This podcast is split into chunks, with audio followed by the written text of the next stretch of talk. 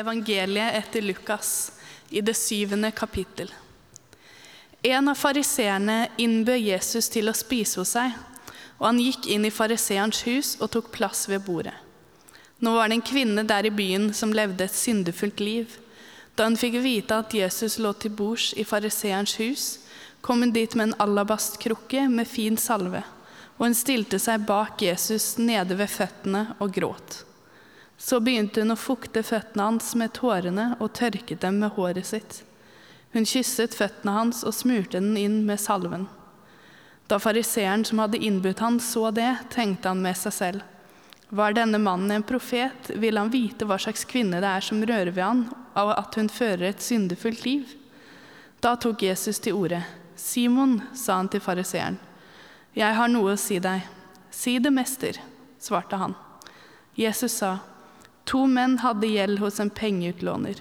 Den ene skyldte 500 denarer og den andre 50. Men da de ikke hadde noe å betale med, etterga han dem begge gjelden.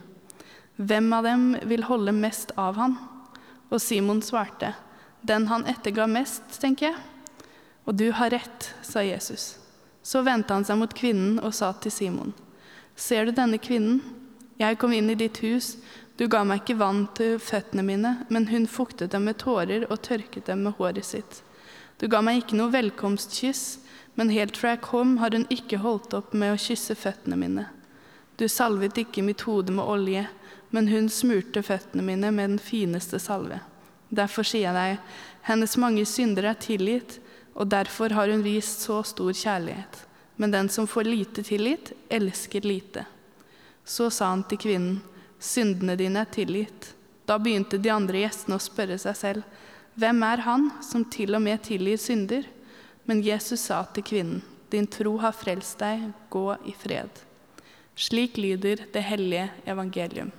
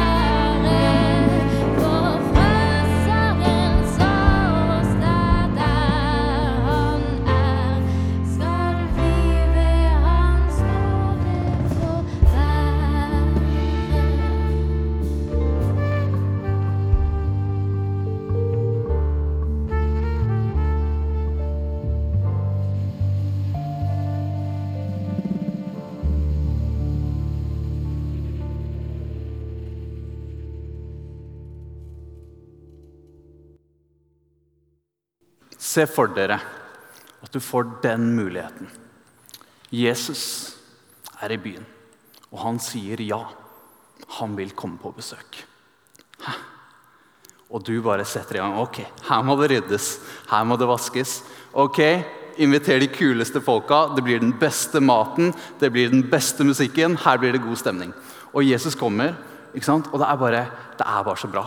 Samtalen flyter, ikke sant? alle digger maten, og dere er liksom i festrommet og bare uh, Dritbra stemning. Og så merker du en lukt. Og så ser du at det er en fyr som driver og kryper langs gulvet. Og er ikke det han sykt sære fyren som bor rett nedi gata? Han som liksom alltid har persiennene dratt ned, og det skjer noe shady greier der inne. Han som liksom skuler på alle andre idet de går forbi. Og som lukter som han aldri har hørt om en dusj. Han driver og krabber på gulvet ditt, og rett opp til Jesus. Og der begynner han å grine. På føttene til Jesus. Og alle blir bare sånn Ok, stemninga endrer seg ganske brått. Dette her var ikke helt det vi hadde sett for oss. Folk veksler blikk og bare sånn awkward. Mens Jesus sine øyne de fylles bare av en sånn omsorg, en kjærlighet. Og så sier han her er det en som har forstått det. Vi er i fastetiden. Peter Haldorf han, han sier noe fint at fastetiden er en tid for å øve seg i kjærlighetens oppmerksomhet. Å kutte ut det uvesentlige, komme nærmere Gud og, og evne å leve for noe mer enn bare seg selv. Komme nærmere Gud. Jeg vil tro det er flere her som deler det ønsket. Jeg tror Simon, fariseeren, som inviterte Jesus, jeg tror han helt ærlig ønska å komme litt nærmere Jesus. Og jeg kan kjenne meg litt igjen i han, altså. Ikke sant? Han, hvis Jesus kommer Du har jo lyst til å by på det flotteste av deg selv. Inn i finrommet. Det aller beste vi kan få til. Hvem har ikke lyst til å bli likt av Jesus? Altså, Hvis du skal møte Herren med stor H, Gud selv, da er det ikke rart at du begynner å kjenne Jeg tror kanskje det ville trigga det fleste, hos de fleste av oss. Trigga en slags sånn prestasjonstrang. Et ønske om å få vise seg fra sin beste side.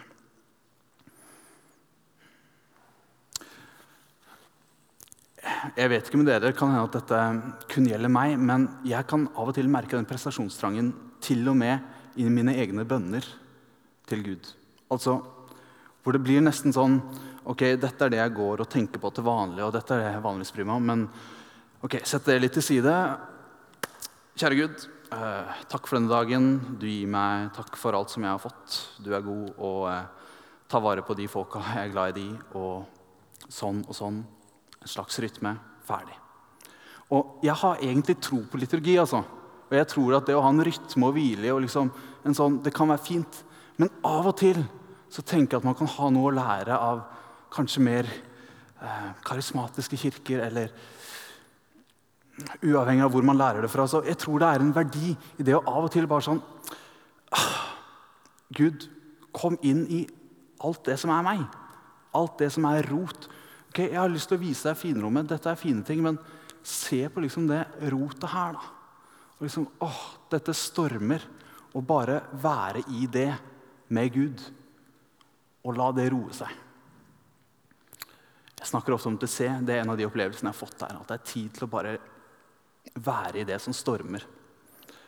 Men det krever jo tid, ikke sant? og det krever jo tillit. Det krever mot. Og fy søren, så tøff hun dama er. Som er bare tidenes partycrasher på Simon fariseeren sin fest med Jesus. Altså, hun kommer inn, og hun gir Jesus det fineste hun har, denne dyrebare salva. Men i tillegg så byr hun på sine bitre tårer og tørker med håret. Altså, hun, hun, tar han ikke bare med inn i finrommet, hun gir han the full tour med bøttekott og roterom og det som fins i det huset hennes. Jesus får komme inn i alt. Hun gir hele seg med hud og hår, bokstavelig talt. I tillegg til at Jesus vil ta hun imot. Og så blir hennes tro belønna.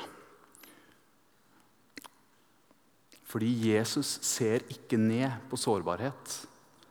Jesus ser ikke ned på svakhet. Og om du er i tvil, ta en titt på korset. Altså, det er en eldgammel ting det at mennesker ønsker å gjøre seg gode nok for Gud. Hvis vi ser på de gamle greske templene, så hadde de bygd de sånn, gjerne opp på toppen av et fjell. Og der, når du først har klatra dette fjellet, så må du gå en haug med trapper i tillegg. Hvorfor det? Jo, du skal klatre opp til Gud. Du skal gjøre deg god nok. Det samme greiene finner vi i Det gamle testamentet. Haugevis av mennesker som ønsker å gjøre seg god nok til Gud. Gjøre seg verdig ved å følge den og den og den regelen. Men vi er menneskelige. Selvfølgelig skjer det at man feiler. Altså, for å bare vise det helt bokstavelig, Jeg vet ikke om dere der oppe ser meg, men de prøver å gå opp den trappa, og så bare skjærer det ut hver gang. ikke sant? Er dere med meg? Er det noen som kjenner seg igjen? Dette, dette er synd i trappeform. Eh, og det som skjer Korset Dette syns jeg er et veldig vakkert bilde på det. Fordi korsdøden er det verste vi kjenner til av menneskelig lidelse. Når Jesus dør på korset, så er korset regna som den aller ytterste skam. Korsfestelse ble kalt slavedøden. Selv et menneske som ikke eide sin egen frihet. De styrte ingenting i livet. Til og med de skulle ha noe å frykte. Du kan synke lenger ned. Du kan bli hengt opp på et kors. Du kan bli pint, du kan bli dytta ned i den ytterste skam. Så når Gud, når Gud selv, når Jesus dør på korset, så kan det ikke bli tydeligere. Du trenger ikke gå de trappene opp til meg, for jeg kommer ned. Jeg er så langt nede at de på galleriet kan ikke se meg engang. Skjønner dere? Når Jesus dør på korset, så går han ned til bunnpunktet av den menneskelige tilværelse. Så uansett hvor langt nede du noensinne måtte føle deg, hva en dritt du måtte ha gjort, uansett hva slags forferdelige følelser du kjenner på, så kan du vite at Gud har vært der. Gud har alltid vært under. Og han har også makten til å reise deg opp sammen med seg. Det er det korset er.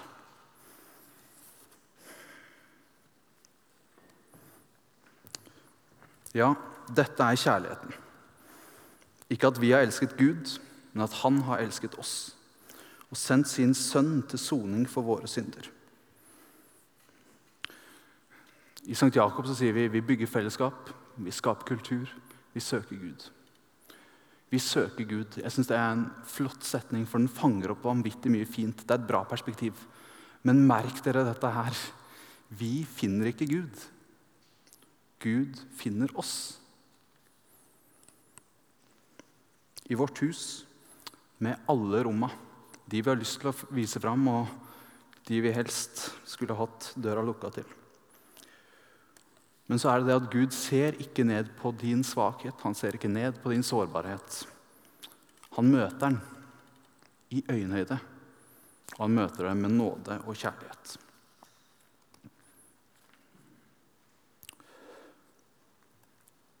Jesus knuser også alle tanker om rangering oss imellom. Når Jesus spiser med Sakkeus, når Jesus møter den syndefulle kvinnen på måten han gjør. Når Jesus dør som en tyv på et kors. Når han lar hvert enkelt menneske fylles av sin Hellige Ånd, hvem er da vi til å verdsette en musikkanmelder over Tix, eller motsatt? Hvem er vi? Ja, men helt, helt seriøst, hvem er vi til å sette fotballspillere over fabrikkarbeidere i Kina? Hvem er vi til å la rike mennesker få koronavaksine mange måneder før de fattige i verden? bare fordi de fattige tilfeldigvis ble født i et annet land, hvor de ikke har pengene til å kjøpe seg opp på listene. Hvert menneske, uansett hvor irriterende eller suksessrik eller shady eller illeluktende Hvert enkelt menneske er hellig, ukrenkelig, umistelig. Og Det er jo grunnplanken for det fellesskapet vi er her i kirka. Og Det er også på det grunnlaget vi er kalt til å kjempe for rettferdighet, for godhet i verden. Men så står jeg her, og jeg vil si at jeg har brukt mesteparten av denne prekenen på å snakke om å komme nærmere Gud. Og slippe han inn i alle rommene i vårt hus. Og da ville jeg tenkt at det, Hvis noen hadde kommet med denne innvendinga, hadde jeg syntes det var ganske fair. Ok, komme nærmere Gud. Hva hjelper det verden? Fastetida, er ikke det bare en sånn her eh, tid hvor vi kristne liksom skal gå inn i oss selv og dyrke vår egen lille sånn spirituelle selvfølelse? Hva hjelper det?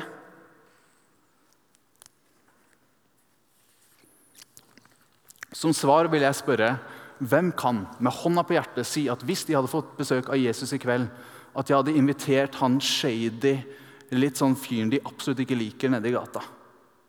Hvem kan si med hånda på hjertet at de hadde invitert han til den festen? Hvem kan si at i møte med andre mennesker så klarer de å legge til side sin selvrettferdighet, sin mistenksomhet, sin sjalusi? Hvem kan si at de evner det underet som nåde er. Det finnes faktisk noen ting som Jesus utfordrer oss til, som er så radikalt. Det er så vanvittig drøyt. Um, nåde, som Simon ganske godt illustrerer, det er ganske uforståelig for oss. Det er kontraintuitivt. Det å akseptere folk som er helt forskjellige fra oss, det å tåle en lukt vi ikke liker, det å elske vår fiende, det er basically umenneskelig. Uforståelig nåde. Amazing grace. Det tror jeg er det denne verden trenger for at den skal bli en plass hvor rettferdighet og godhet vinner. Men det er faktisk for mye å be om at vi som mennesker kan gjøre det aleine. Jeg tror det fins noen krefter som kun Gud kan stå for. Gjerne gjennom oss, i oss, men det er Gud som handler. Og jeg, jeg har tro på nestekjærlighet i praksis. Altså, jeg tror at det å gjøre gode ting og det å oppleve fellesskap jeg tror det bringer oss nærmere Gud. Men jeg tror av og til så er det også lurt å starte i den enden at vi inviterer Gud inn i alle våre rom og så lar vi han jobbe med oss. Jeg tror vi må våge å gi Gud alt det som er oss. Kanskje la deler av oss dø, sånn at vi kan bli litt mer som Gud. Sånn at Gud kan virke i oss for menneskene vi lever med. Det å komme nærmere Gud er å komme nærmere sine medmennesker. Jesus sier den som får mye tilgitt, elsker mye. Men den som får lite tilgitt, elsker lite.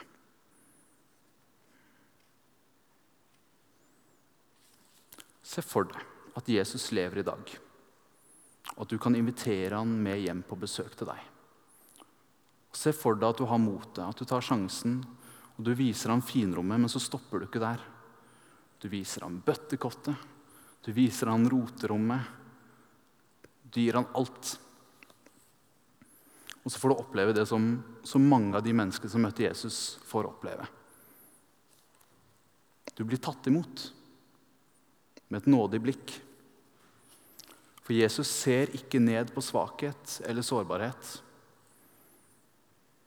Han møter oss med nåde og tar oss inn til seg før han sender oss ut i verden med rak rygg og et oppdrag om å elske hverandre med en helt overmenneskelig kjærlighet. Og ved Guds nåde så er det mulig. Amen.